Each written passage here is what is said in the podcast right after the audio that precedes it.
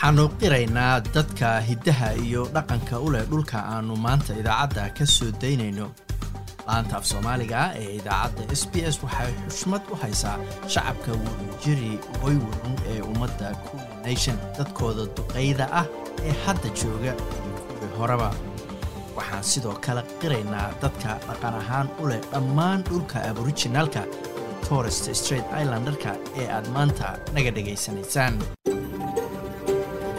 SBS, a world of difference. You're with SBS Somali on mobile, online, and on radio. waxaad nagala socotaan s b s soomaali oo aad ka heli kartaan mobil online iyo rediyoga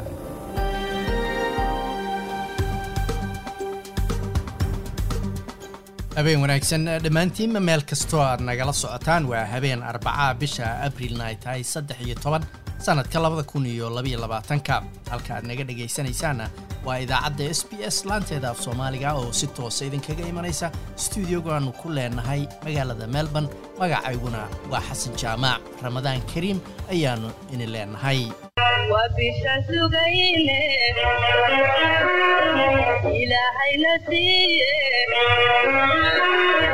Aynu saaciidayne sooma ramadaanta bisha sugayne ilaahayna siiye aynu saaciidayne sooma ramadaan. Idaacadda caawa waxyaalahaad ku maqli doontaanna waxaa ka mid ah dhibaatadii ay iyaga ku dhacday awgeed baana annaga haddaan dumar nahayna kicisay taana waxaa nagu kaliftay inaannu annagu isabaabilno iyadoon cid kale aynana abaabulin oonu annagu qorsho samaysanno aniga iyo aamina ayaa markaa go'aankaa wada gaadhnay aamina cali oo iyadna meesha nagula jirtay anigaa go'aankaa gaadhnay dumarkii kale markaanu la tagnayna waxba nagumay diidina wixii awoodooda ahaa way nagu soo caawiyeen. Waa barnaamij lagu taakulaynayo dadkii dhibaatadu ka soo gaartay dabkii suuqay magaalada hargeysa. Waraysiyo ayaad ku maqli doontaan sidoo kale waxaad maqli doontaan arrimihii u dambeeyey ee doorashada iyo weliba taariikhda xisbiga liberaalka ee hadda talada haya doonayana inay mar kale xilka u soo noqdaan. Marka horese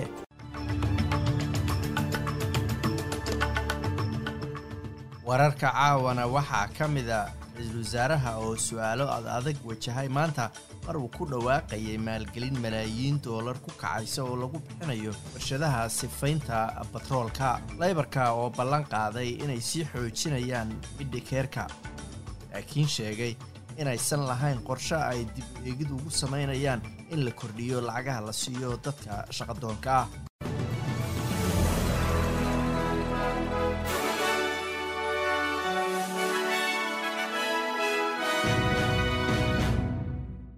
ra'iisul wasaare scott morrison ayaa ku dhawaaqay laba boqol iyo konton milyan oo dollar oo lagu maalgelinayo sifaynta shidaalka. Waxaa qarashkan ka mid a boqol iyo labaatan iyo shan milyan oo dollar oo lacag caddaana oo la siinayo warshadaha sifaynta shidaalka ee kale ah viva energy refinery oo ku taala geelon victoria iyo ampol refinery oo ku taala gobolka queensland. Viva energy refinery ayaa ku taala kursiga federaalka ee corongamide la yidhaahdo oo ah kursi aad laysugu dhow yahay ama laysku haysto ra'iisul wasaare morrison oo la taagan wasiirka tamarta angus taylor kuna sugan geelong ayaa sheegay in maalgelintanu ay caawinayso in australia ay hesho shidaal shaqooyin dheeraadana lagu abuuro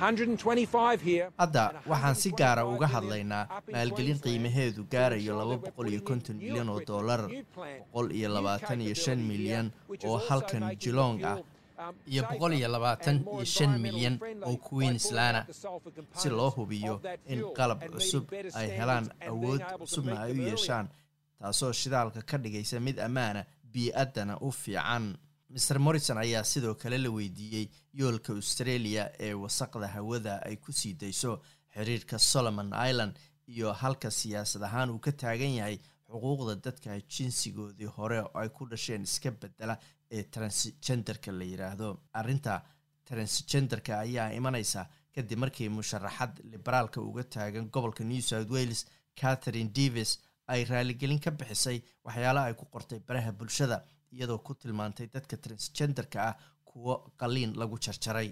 Hogaamiyaha mucaaradka federaalka antony albanisi ayaa isna sheegay in laybarku aysan tuurin gebi ahaanba siyaasadoodii dib u eegidda qarashka la siiyo dadka shaqadoonka. Dowladda morrison ayaa lacagtaas konton dollar ku dartay labadii toddobaadba sannadkii la soo dhaafay kadib sannado badan oo ururada daryeelku ay arrintan u ololeynayeen hadda qofkii keligiisa waxa uu qaataa lix boqol iyo afartan iyo labo dollar iyo toddobaatan senti labadii toddobaadba taasoo la mida ama u dhiganta afartan iyo lix dollar maalintiiba oo dadka uu ololeeya ay sheegayaan inay ka hooseyso cabirka ama heerka saboolnimo. Maer albanisi ayaa sheegay in laybarku aysan qorsheynayn inay kordhiyaan lacagtaasi marka ay soo bandhigaan miisaaniyadooda koowaad laakiin waxay sheegeen inay og yihiin in dadka lacagtaas qaataa ay aada ugu yar tahay. Uh, laakiin xaqiiqdu waxay tahay in haddii aan nasiib u yeelanno inaan dowladda soo dhisno waxay dowladdaas dhismaysaa iyadoo deynta dalka lagu leeyahay ay ku dhowdahay hal trilyan oo dollar taasoo macnaheedu yahay inaanaan bixin karin qarash kasta oo aan doonayna inaan bixinno. Waa in xisaabtaada guud ay noqoto mid mas'uuliyad ku dhisan. Waxa kale oo aanu ka fakarayno waa in siyaasad kasta oo aanu soo bandhigno ay noqoto mid la yaqaan meesha qarashkeedu ka imanayo ayuu yidhi maer albanisi hogaamiyaha greenka adam ban ayaa sheegay in australia ay dagaal kula jirto cimilada isagoo ka hadlaya national bress clubka ayuu hogaamiye adam ban sheegay in xisbigiisu doonayo inuu joojiyo gebi ahaanba mashaariicda gaaska iyo dhuxul dhagaxa. Waa waxa koolka loo yaqaanee iyo in wax laga qabto culayska maciishadda uuna heshiis la geli lahaa dadka dalka loogu yimid si loo qiro gumaysigii iyo dhibaatadii ay soo mareen iyo in daaweynta ilkaha lagu daro ayuu yidhi midikerka maer ban ayaa sheegay in australia laga rabo inay isaga baxdo dhuxusha iyo gaaska halka laga taageerayo shaqaalaha ka shaqeeya hay'adahaasi hadda.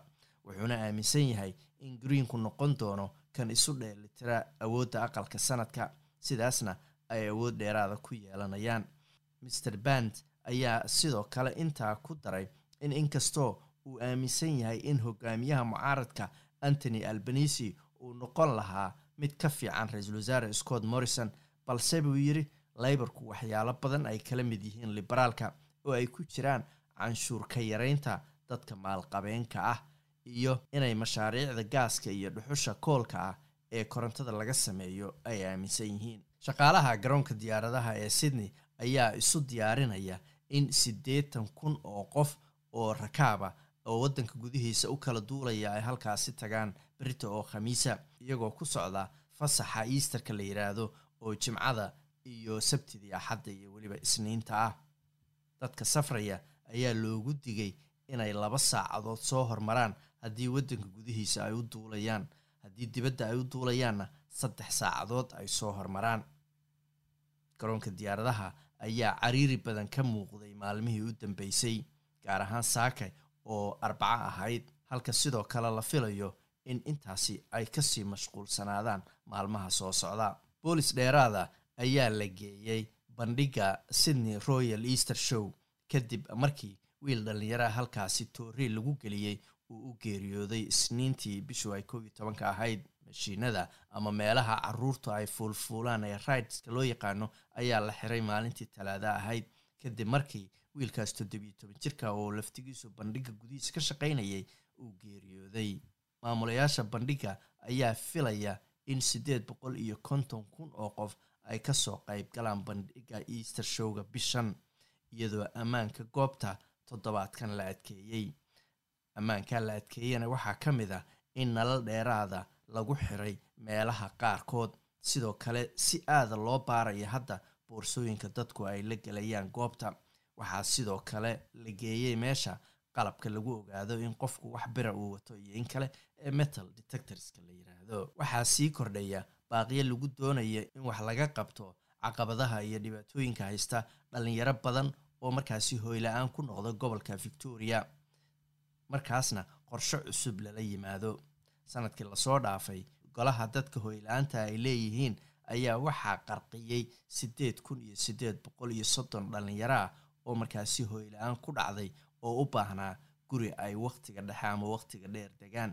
Balse afartan boqolkiiba dadkaasi ayay u awoodeen inay hoy siiyaan. Ku-xigeenka madaxa ururkan kate colvin ayaa s b s newska waxa ay u sheegtay inay ugu baaqayaan dowladda gobolka inay maalgelin dheeraada geliso shan boqol oo guri sanadkiiba oo dhallinyaradaasi la dejiyo iyo in dowladda gobolku ay taageerto guryaha gaarka loo leeyahay ee laga kareeyo dhallinyaradaasi wasiiradda arrimaha gudaha dalkan australia karen andrews ayaa laga helay xanuunka covid nneteen-ka miss andrews ayaa iska dareentay calaamado yaryar oo lagu garta xanuunka waxayna ka shaqayn doontaa gurigeeda ilaa ay dib ugu soo laabanayso ololaha doorashada. Tan ayaa imanaysa iyadoo ay soo baxayaan warar sheegaya in qalabka guryaha laysaga baaray rabid antigen testiga la yidhaahdo oo khalada ay dhalisay walaaca in heerka kaysaska xanuunku uu aada uga badan yahay kan warbixinadu markaasi ay sheegaan ama soo baxa. New south wales maanta siddeed qof ayaa xanuunka covid nneteen ugu dhibatay halka siddeed iyo toban kun laba boqol lixdan iyo shan kays oo cusub oo covid nneteen lagaga helay gobolka. Victoria afar iyo toban qof oo kale ayaa u geeriyooday covid nneteenka kaysaska cusubna maanta waxay ahaayeen toban kun iyo sagaal boqol iyo toddoba kays queensland toban qof ayaa ugu geeriyootay xanuunka. Kaysaska maanta laga helay gobolkuna waxay gaarayeen sagaal kun boqol toddobaatan iyo lix kays saddex qof ayaa la sheegay inay u geeriyoodeen xanuunka gobolka south australia iyadoo afar kun iyo sagaal boqol iyo siddeetan iyo lix kays laga diiwaangeliyey gobolkaasi. West australia ayaa laba qof oo laakiin hore u dhimatay la diiwaangeliyey maanta kaysaska laga helayna waxay ahaayeen toddoba kun iyo afar boqol iyo labaatan iyo lix. Nin toddobaatan jira ayaa geeriyooday isagoo saaran ambalastii cisbitaalka lagu geyn lahaa isagoo markaasi sugayay in cisbitaalka la geliyo.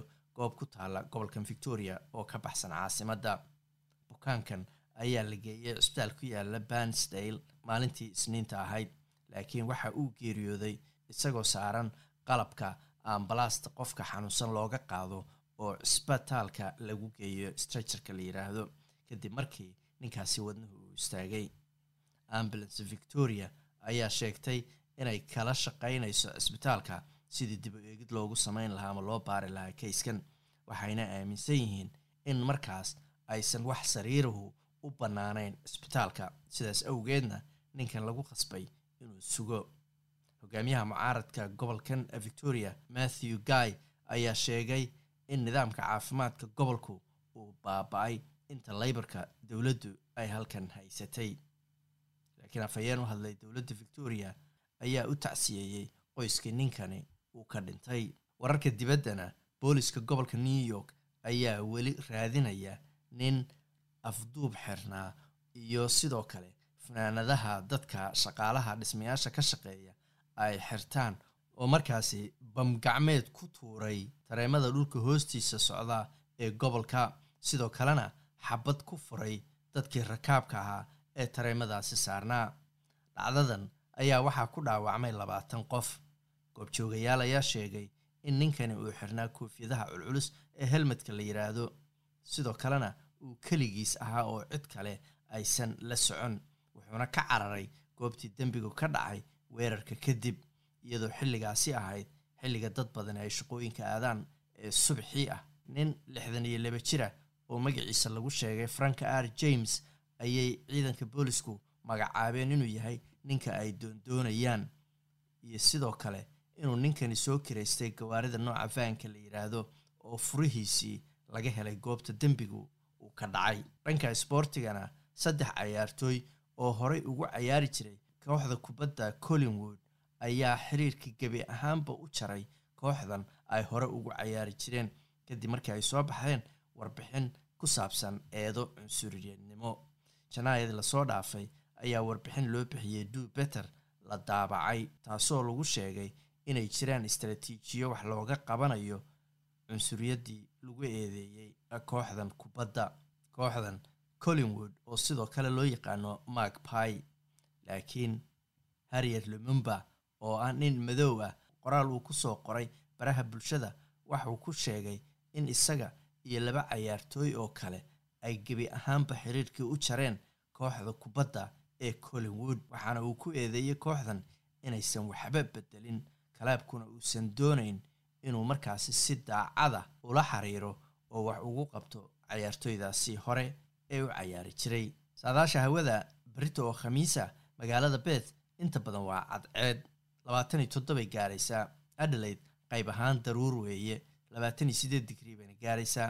Melbourne waa inta badan cadceed iyo labaatan iyo afar digrii magaalada sydney roobab ayaa la filayaa labaatan iyo saddex digrii magaalada brisbanna waa roobab iyo labaatan iyo shan digrii halka australian dollar maanta waxaa lagu sarifayay toddobaatan iyo afar senti oo lacagta maraykanka ah halkaad weli nagala socotaan waa laanta af soomaaliga ee idaacadda s b s. Weli waxaa noo soo socdaa warar ku aadan doorashada dalkan australia. Marka horese weli waxaa magaalada hargeysa ka socda dadaalka lagu taakuleynayo dadkii dhibaatadu ay ka soo gaartay dabkii dhowaan ka qarxay suuqii weynaa ee magaaladaasi ku yaalay.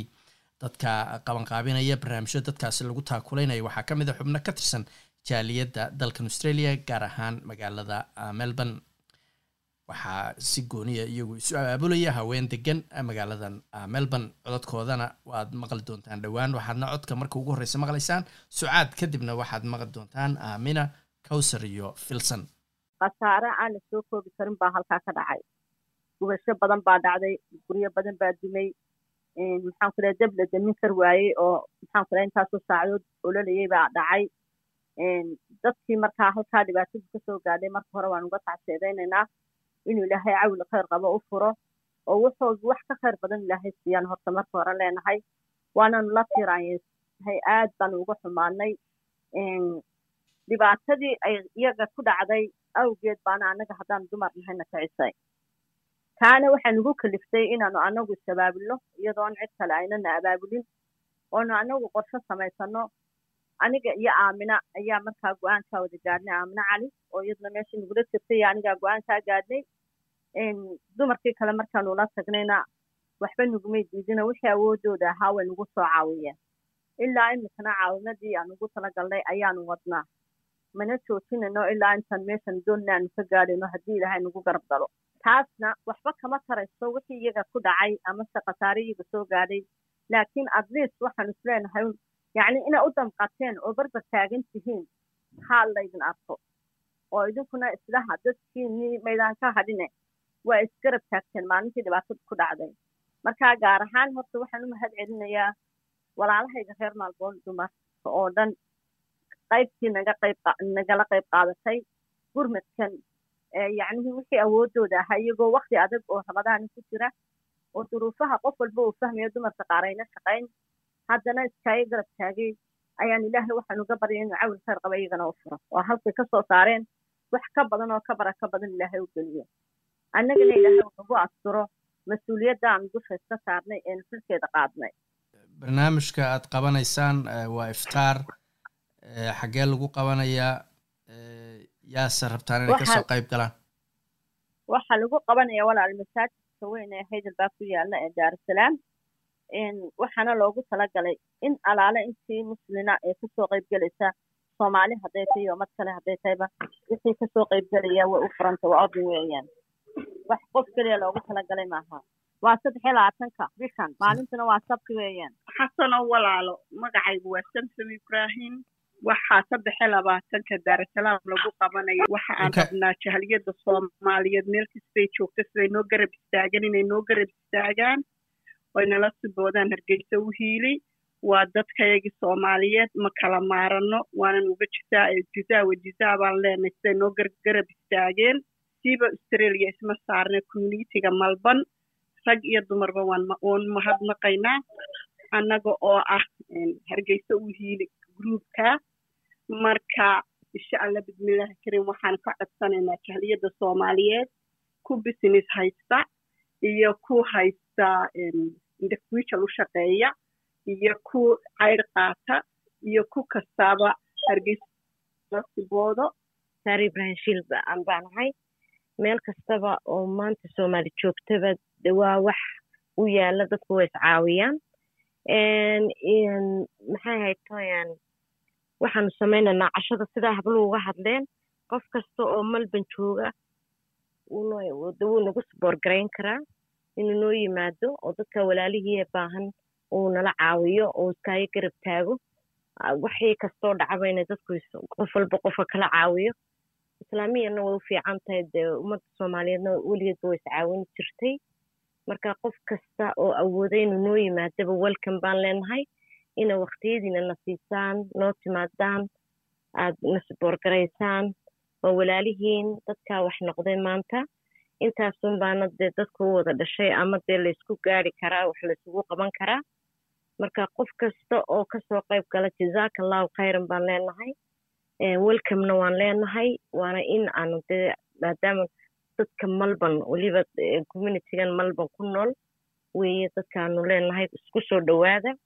Marka sidaa ha nologa warhayo idinkuna welcome. Qof kastoo imaanaya oo raba inuuna saboorgarayo waxaan leenahay soo dhowow. Jazaaka allahu khayran waan leenahay. Intii na soo saboort garaysay hablo badan baan habluhu ha u badnaadaan hablaha anagu rag waruma hayno laakiinse hablaha aad bay in badan inoo soo saboor aad bay ugu mahadsan yihiin. Marka hablaha weliba dumarka ayaan anigu xoog aan siinayaa sida kalsooni fara badan aan ku qabaa inay nagala soo qayb galaan iyo rag iyo dumarba. Laakiin anagu bad had iyo goor haddaanu dumarnahay waa dumarku aad bay isu saboor gareeyaan marka rag iyo dumar dhalinyaro cid kastoo codkayagu gaadho ama ilaacadda dhegaysata qof kastaba welcome baan leenahay. Waxa weeye walaalo masiibada dhacday waad aragtay. Kolley midiyaha waad ka aragteen. Marka ummadda soomaaliyeed meel kasta oy joogto waxaanu ka codsanaynaa inayna soo garab istaagaan. Reer melbourne special. Marka waan u ducaynaynaa inta nagala soo qayb gashay.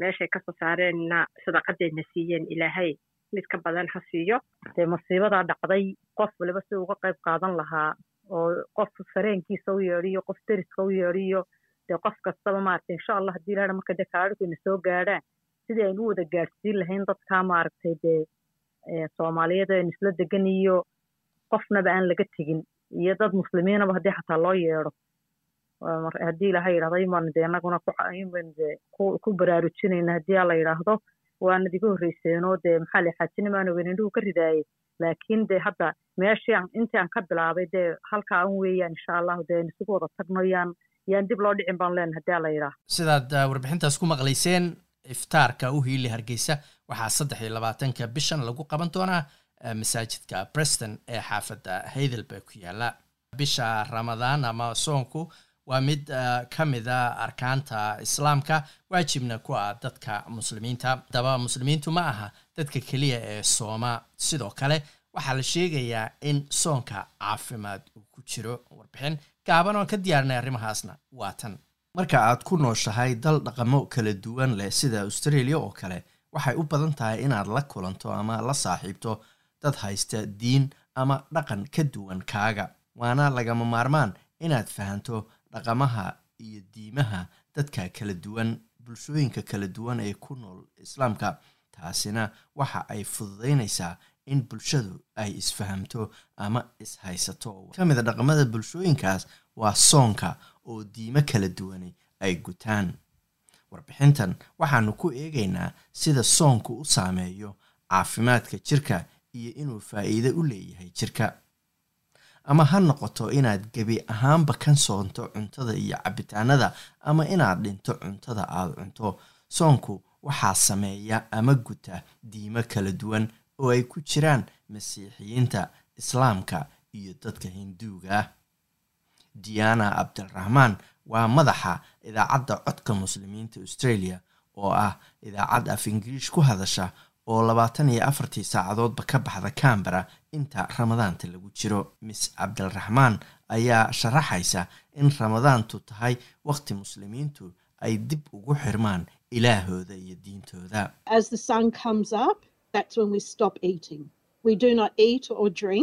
qoraxdu markay soo baxdo ayaad joojinaysaa inaad wax cunto waxba ma cunaysid mana cabbaysid maalintoo dhan ilaa qoraxdu haddana ay dhacdo oo aad oo ku aadan xilliga salaada afraad ee maalinta. waxaa sidaas la sameeyaa labaatan iyo sagaal ama soddon maalmoodka bisha ramadaan ay ka kooban tahay sannad walba. Soonku wuxuu u fiican yahay jirka maskaxda iyo nafsadda qofka. inta ramadaanta lagu jiro dadku inta badan waxay kordhiyaan salaadooda. Waana fursad qof kasta uu ilaahay dib ugu xirmo. Waa fursad aad wax kasta oo kala dhigayso oo aad si buuxda diiradda u saarayso cibaadada ayay tiri.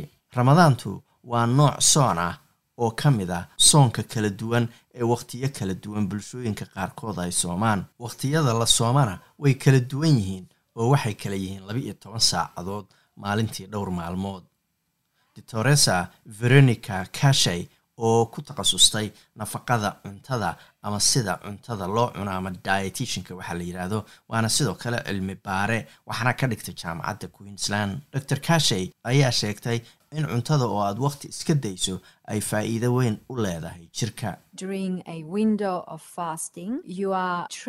Inta qofku sooman yahay waxaa kac ah unugyada oo bilaabaya siday cunto la'aanta uga gaashaaman lahaayeen waxay howlgeliyaan hidasidayaal jirkoo dhan nadiifinaya oo qashinka ka saaraya.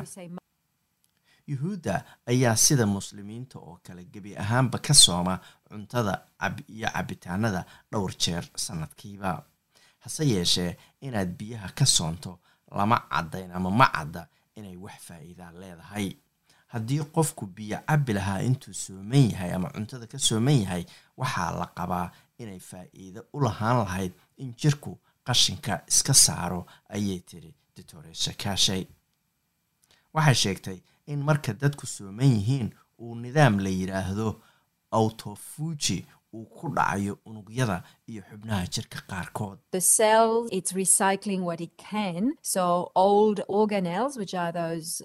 Unugu dib ayuu isu samaynayaa.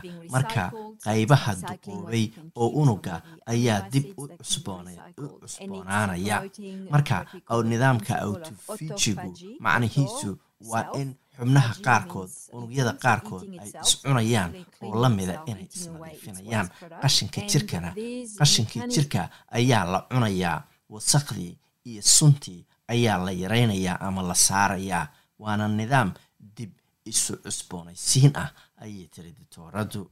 Ditoresa kashay ayaa sheegtay in marka qofku afuro unugyada jirku ay si fiican nafaqada u nuugayaan ama u qaadanayaan.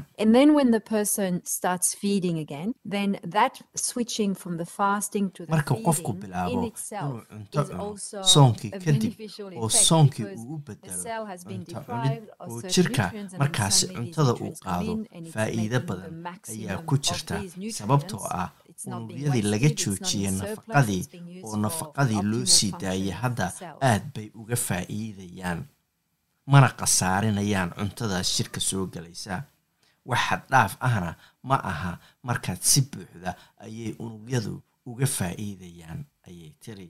Waa laga maarmaan inaad cunto cunno fiican oo caafimaad leh oo aadan isticmaalin. Cunto sokorta ku badan tahay ayay tiri ditoreesadu sababtoo ah cuntadaas waxay kordhin kartaa sonkorta jirka oo dhaawac jirka u keeni karta. Diimaha qaarkood soonka macnihiisu ma aha inaad gebi ahaanba iska dayso cuntada oo dhan laakiin waxay iska daayaan cuntooyinka qaarkood. Hindidu tusaale ahaan soonku wuxuu ku bilowdaa in xoogaa cuntada la iska daayo waxaana loo gudbaa xilli aad cuntadoo dhan loo joojiyo. Inkasta oo diinta hinduuga soonku uusan qasab ku ahayn laakiin waxay u arkaan fal ruuxi ah oo lagu nadiifinayo jirka iyo maskaxda hase yeeshee kaatooliga ma cunaan hilibka maalinta jimcada inta lagu jiro afartanka maalmood ee lentiga la yiraahdo oo xilliga easterka ku soo aada. Halka masiixiyiinta orthodox griegana ay ka soomaan cuntooyinka xoolaha sida ukunta caanaha hilibka mararna ay ka soomaan saliidda olive oilka la yiraahdo iyo kalluunka. Waxayna waxyaalahaas ka soomaan inta u dhaxaysa boqol iyo siddeetan ilaa laba boqol oo maalmood sanadkiiba.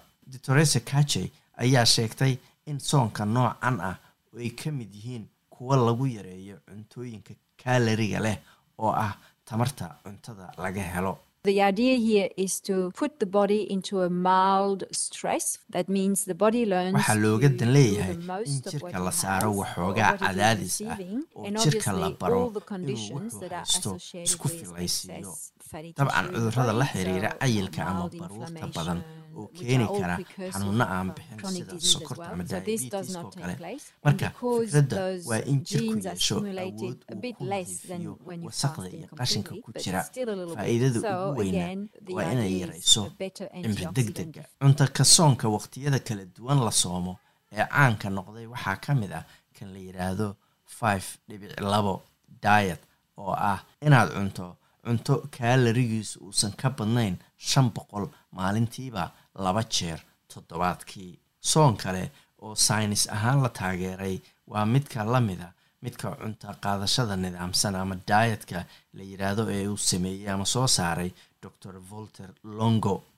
Doctor kashey ayaa sheegtay in soonka noocana uu ka caawin karo in hormuunada jirku dib isu soo cusboonaysiiyaan sidoo kalena unugyada jirku ay iyaguna is-cusboonaysiiyaan What uh, the Longo group demonstrated is that you don't need to go to zero calorie to have the benefit. waxa kooxda just longa ay tilmaameen waa inaadan u baahnayn inaad eber ka dhigto kaaloriyada the aad cunayso si soonka faa'iido uu yeesho xataa haddii aad also kala a bar wixii aad cuni jirtay cunto faa'iido ayaa ku jirta ayay tiri doctoresa kashey ayaa sheegtay in soonka aan lagula talinayn dadka aadka caatada u ah ama qaba xanuuno hore iyo dadka qaba xanuunada cunto xumada ama waxaa loo yaqaano eating disorderka.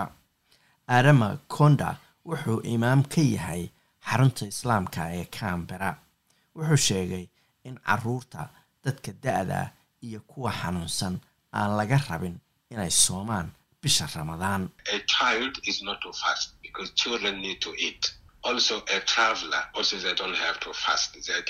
cunuga ama ilmaha yarkaa inuu sooma loogama baahnaa sababtoo ah waa inay wax cunaan.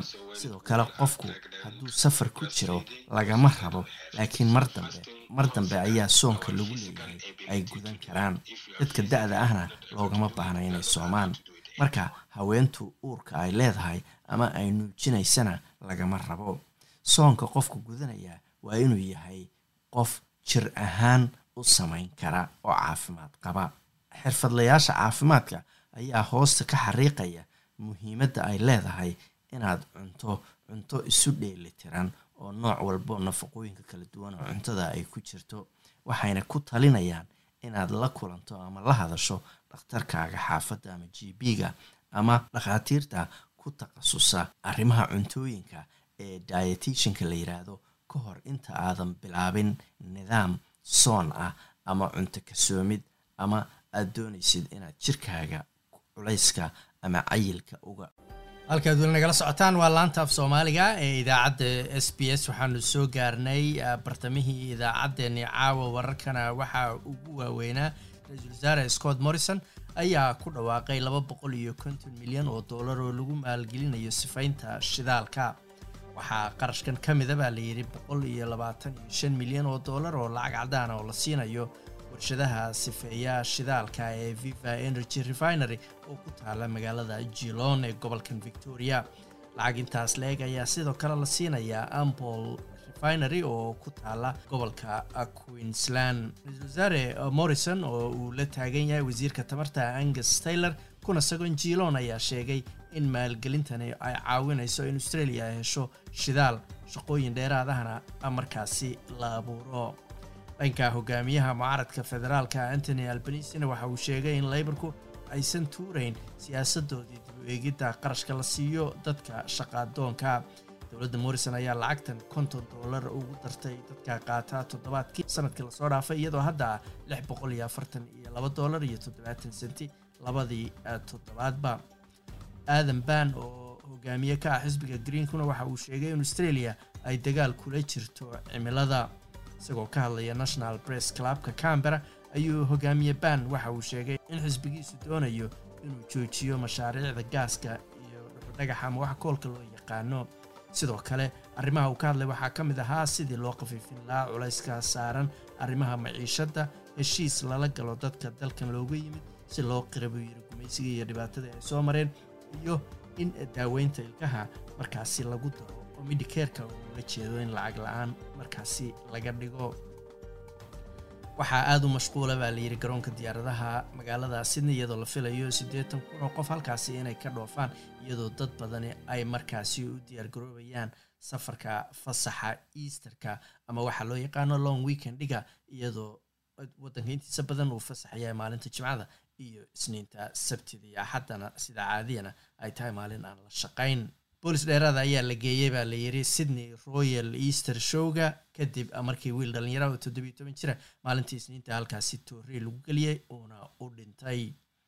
Dadka maamulaa bandhigaasi ayaa filaya in siddeed boqol iyo konton kun oo qof ay markaasi bandhigaasi tagaan. Bishan sidaas awgeedna ammaanka ayaa la adkeeyey iyadoo nalal dheeraada la saaray meelaha qaarkood dadka boorsooyinka la soo galayana aada loo baarayo lana geeyay qalabka biraha lagu ogaada ee metal detectorska la yidhaahdo victoriana waxaa ku batay ayaa layidhi dhallinyarada hoyla-aanta ama derbijiifka iyadoo dowladda gobolkan lagu boorinayo inay markaasi lacaga badan ku bixiso sidii dadkaasi guryo loogu dhisi lahaa. Nin toddobaatan jira ayaa dhintay isagoo markaasi cisbitaal la geeyey balse saacado badan saf ugu jiray in sariir la dhigo ninkan oo la geeyey cisbitaalka bansdale maalintii isniinta ahayd ayaa dhintay isagoo saaran qalabka dadka lagu qaado oo lagu riixo ee strajerka la yiraahdo.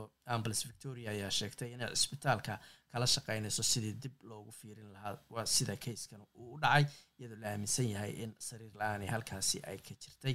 Balse mucaaradka gobolkan victoria matthew guy ayaa sheegay in nidaamka caafimaadka gobolka uu burburay intii dowladda laybarku ay ka talinaysay booliska new yorkna waxay weli doondoonayaan nin markaasi qarax ka sameeyey dadna ku xabadeeyey tareemada dhulka hoostiisa ku socda magaalada new york halkaas oo labaatan qofi ay ku dhaawacantay. Ninka la raadinaya ayaa lagu sheegay lixdan iyo laba jir frank r. James oo markaasi ah ninka la doondoonayo weli waxaad nagala socotaan waa laanta af soomaaliga ee idaacadda s b s baryahan waxaanu aada uga hadlaynay arrimaha doorashada. Warbixin gaaban oo aan ka diyaarinay maalin dhowey doorashaduna waa tan. Kadib bila ay socdeen ololo aan rasmi ahayn ra'iisul wasaaraha ayaa ku dhawaaqay in doorashada la qabanayo labaatan iyo kowda bisha may iyadoo u muuqata doorasho aada la isugu dhow yahay. Scott morrison ayaa qirtay in dowladdiisu aysan boqolkiiba boqol ahayn laakiin wuxuu ka codsaday codbixiyaasha inay u codeeyaan cid ay yaqaanaan halka hogaamiyaha mucaaradku uu ballan qaaday inuu midaynayo dalka. Ra'iisul wasaaraha ayaa ka degay axaddii magaalada cambara si uu ugu dhawaaqo doorashada una kala diro baarlamaanka. Scott morrison iyo antony albanisiba labaatan iyo kowda bisha may waxay u tahay maalinta la gaari lahaa meesha ugu dambeysa ee ololaha ee lagu kala baxayo. Fariinta ra'iisul wasaaruhu uu u jeedinayo codbixiyaasha ayaa ah u codee cid aad taqaano. It's a choice between a government you know and a Labor opposition that you don't. waxaa la kala dooranayaa dowlad aad taqaan iyo mucaarad laybar ah oo aadan aqoon. Dowladdu ma aha mid aan qalad gelin ama kaamil ah. weligayana maanaan dhihin sidaas. Laakiin waan u caddaynaynaa dadka qaladaad ayaad aragteen. Laakiin waxaad sidoo kale aragteen wixii aanu qabannay ayuu yidhi ra'iisul wasaaruhu khudbadiisii u horreysay markii doorashada lagu dhawaaqay hogaamiyaha mucaaradka ayaa ballan qaaday inuu midaynayo dalka.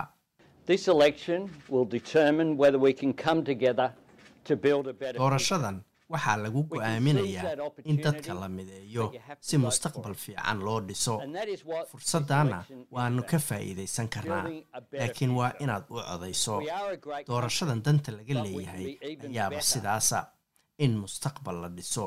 Waxaan nahay dal cajiiba oo aada u fiican laakiin waannu sii hagaajin karnaa ayuu yidhi antony albanisi dhanka kalena ra'iisul wasaaraha ayaa xiiseynayay inuu muujiyo sida xisbigiisu u midaysan yahay My strong and united team that I have led for these past three years, sitting around that cabinet table, just kooxdayada xoogga badan oo midaysan oo aan hogaaminayay saddexdii sane ee u dambeysay oo miiskaas shirka golaha wasiirada aanu ku qaban jirnay oo australia ka soo saartay qalalaasihii dhaqaale iyo kii caafimaad ee ugu xumaa muddo toddobaatan sano ka badan hadalkaas uu ra'iisul wasaaruhu sheegay ka sokow waxaa jiray khilaaf bila socday oo u dhexeeya xisbigiisa dhexdiisa. Waxaa weli jira su'aalo ku hagoogan mid ka mida wasiiradiisii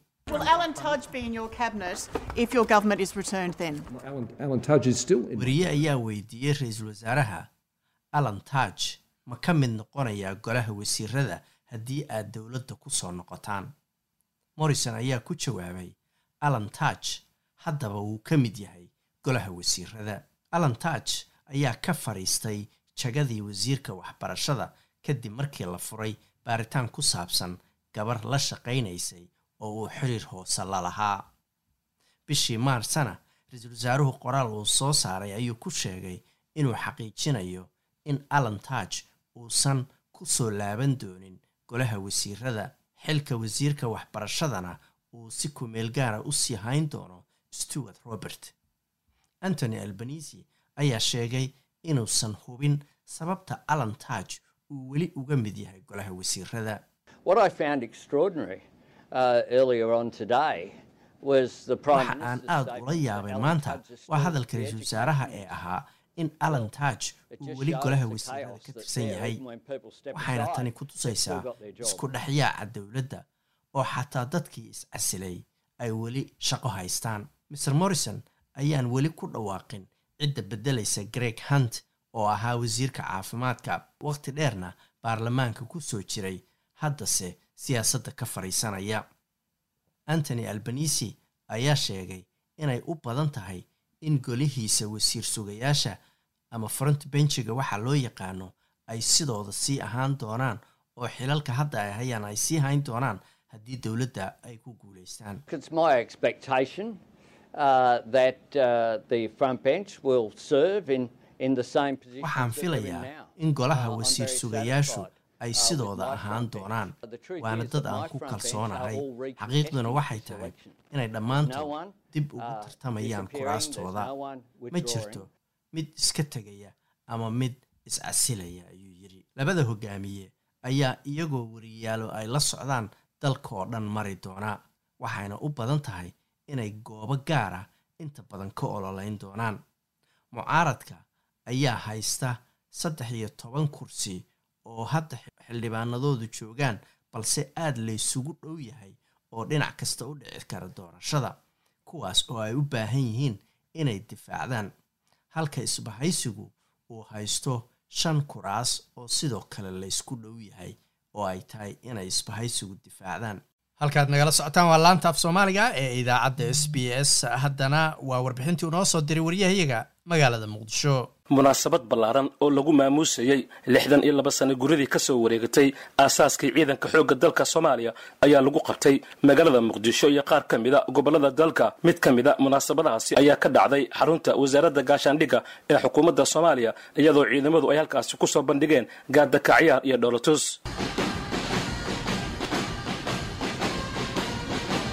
munaasabadan ayaa waxaa ka qaybgelay madaxweynaha dowladda federaalk ee soomaaliya maxamed cabdulaahi farmaajo gudoomiyihii golaha shacabka ee baarlamaankii tobanaad maxamed mursal sheekh cabdiraxmaan xubno ka mida golaha wasiirada xildhibaano ka tirsan labada aqal wakiilo ka socday beesha caalamka saraakiil ka tirsan ciidanka xoogga kuwa biliiska soomaaliya iyo mas'uuliyiin kale taliyaha ciidanka xoogga dalka soomaaliya genaraal odawaa yuusuf raage oo ugu horayntii halkaasi ka hadlay ayaa mahadcelin kadib sheegay in labadii sano ee la soo dhaafay aan loo dabaaldegin munaasabadda aasaaska ciidanka xoogga dalka soomaaliya sababo la xidhiira cudurka faafa ee covid balse waxa uu sheegay in xilligan ay surto gashay in loo dabaaldego taliyaha ciidanka xoogga dalka ayaa hambalyada ciidanka ka sokow waxa uu soo hadal qaaday dagaalka ay ciidamada kula jiraan ururka al-shabaab isagoona dhanka kale ciidanka nabad ilaalinta amisom oo hadda loo bedelay admis ku ammaanay garab istaagoodii shacabka soomaaliyeed. Kana codsaday inay sii laba jibaaraan garab istaagoodaasi waxaan rabaa ayagana inaan halkaan aan uga madceliyo ee saaxiibadeena amisom oo runtii aan dhihi karno. Qofka bini'aadmiga waxa uu bixiy waxa ugu qaalisan dhiigga waxay noo bixiyeen dhiiggooda waxaan ognahay wiilal iyo gabdha ayaa halkaan uga dhintay oo iyagoo doonaya nabadda iyo horumarka soomaaliya raadinayana in qaran soomaaliyeed mar kale uu cagihiisa ku istaago. Aad iyo aad ayaguna u mahadsan yihiin. Runtii weli waxaana hor yaalla. Saaxiibadeenna inaan iska kaashanno howl aad iyo aad weyn oo ay ugu horrayso la dagaalanka argagixisada. Waxaan ognahay amisom hadda inay u gudubtay isbuuc ka hor in la ansixiyey. Admis oo ay transaction noqotay una baahannaha runtii saaxiibadeenna qaaligaa si ay u xaqiijiyaan wixi ay halkan u yimideen. Taariikhdana ay u gasho wixi ay halkan ka qabteen oo aanay u gelin baalmadow wakhtiga u haray in ay runtii xoogga nala saaraan dabargoynta ee nimanka arxanlaawayaasha ah ee dhiigga ummadeenna miiranaya. Waxaan rabaa sidaasoo kale inaan uga faa'iidaysto fursaddan dhammaan ciidanka xoogga dalka soomaaliyeed inaan halkan uga diro hambalyo ku aadan munaasabadda ciidda ee labaiyo tobanka abriil sanad guuradii lixdan iyo labaad ee ka soo wareegta aasaaskii ciidanka xoogga dalka soomaaliyeed dhammaan sarreeyayaasha saraakiisha alifleyda iyo dableyda xaasaskooda iyo carruurtooda waxaan leeyahay farxad wanaagsan. Runtii waxaan rajaynayaa munaasabadan munaasabadeeda kale in aynoo aan ku gaari doono guul iyo horumar annagoo maanta meesha aan taagannahay runtii tillaabo aad wanaagsan ka tillaabsannay oo dhinac walba ah madaxweynaha soomaaliya maxamed cabdulaahi farmaajo oo khudbad dhinacyo kala duwan halkaasi ka jeediyey ayaa ugu horayntii waxa uu hambaliyeeyey ciidamada xoogga dalka soomaaliya waxaana uu ka sheekeeyey sidoo kale marxaladihii kala duwanaa ee lagu aasaasay ciidanka xoogga dalka soomaaliya. Waxa uu xusay in ciidamadu aanay ahayn kuwa shakhsi gaara uu leeyahay taasi beddelkeed loo tababaray inay dalkooda difaacaan.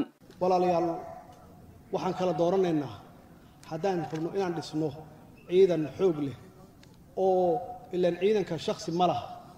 Ciidanku siyaasad ma ah ciidanka dalka iskale qaranka iskale marka la arko ciidankan sida uu yahay iyo juhdiga la geliyey macnaheedu ma aha qof inuu leeyahay.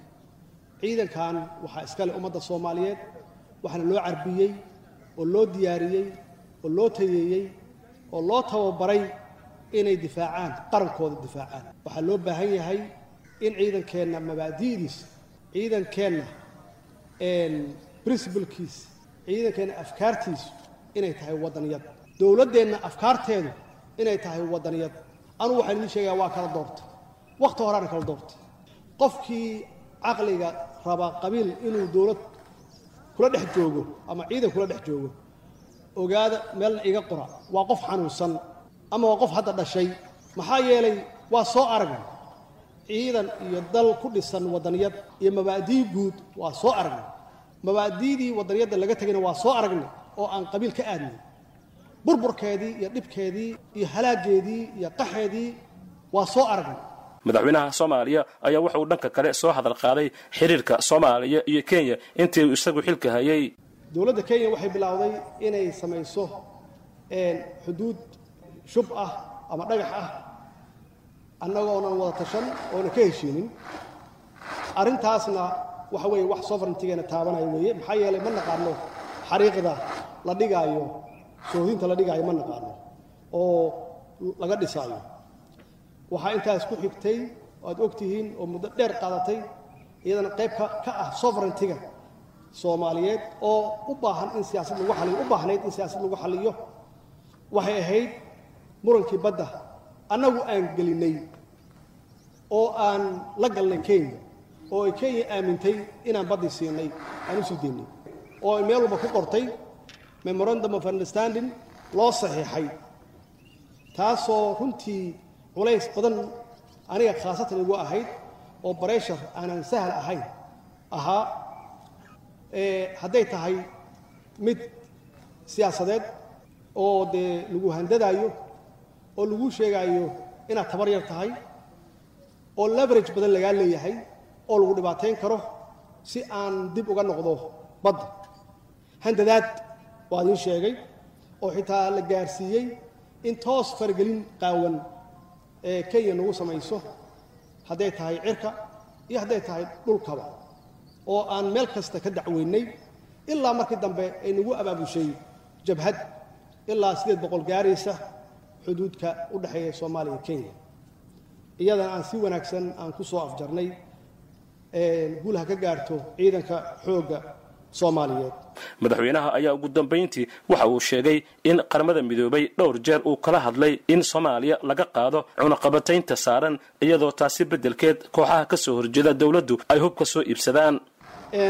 Taasna waxayna siinaysaa iyada naftigeeda cunaqabateenka aan ku jirno oo muddo soddon sano ah nalagu hayo cunaqabateen xaqiiqatan marar badan ayaan un-ka aan aad uga doodnay aan uga hadalnay in nalaga qaado cunaqabateynta maxaa yeelay haddee cadowga aan la dagaalamayno oo alqaacidada ah cunaqabateyn ma saarno. Dalkeennan wuxuu leeyahay saddex kun iyo saddex boqol oo dherarkiisu yahay xeeb ayuu leeyahay. Meeshii rabaan wax kala soo degi karaa annagase waxaana saaran gacmaha naga xihan oo ma awoodno xitaa haddii aan dhaqaale helno in aan soo iibsanno hubkaan u baahannahay si aan cadowga uga gacan sarreyno waxaana saaran cunaqabateen oo hubabka qaar oo weliba kuwa culus oo loo baahan yahay inaan uga adkaano fududayn karta ama dadejin karta inaan ka adkaano shabaabka ay uu naga saaran yahay cunaqabateen. Meeshaas markaan joogno dalkeenu wuxuu noqonayaa dal normal ah marka dad badan waxaa laga yaabaa hadda inay u arkaan dalkeennu inuu yahay dal normal ah. Dal normal ah maaha. Dal normal ah waxaad gaaraysaa markii adigu gacan buuxda aad sovereigntiga ku difaacan karto oo ciidankaaga aad leedahay oo aad xuquuqdiisa adigu aad siinayso oo qalabkiisa adigu aad u iibinayso si kastaba munaasabadan labaiyo lixdan sana guurada ka soo wareegatay aasaaska ciidanka xoogga dalka soomaaliya ayaa sanadihii ugu dambeeyey aan lagu qaban magaalada muqdisho marka laga yimaado qoraallo hambalyo ah oo ay mas'uuliyiinta soo saarayeen waxaana hadda munaasabadan ay ku soo aadaysaa xilli uu jiro khilaaf xoogan oo dhanka doorashada ihi. Barnaamijkeena caawana intaasaan ku soo gabagabaynaynaa. Waa aniga oo xasan jaamac oo inala intaas iyo nabadgelyo waa inoo habeenka jimcada ah haddii uu eebba idmo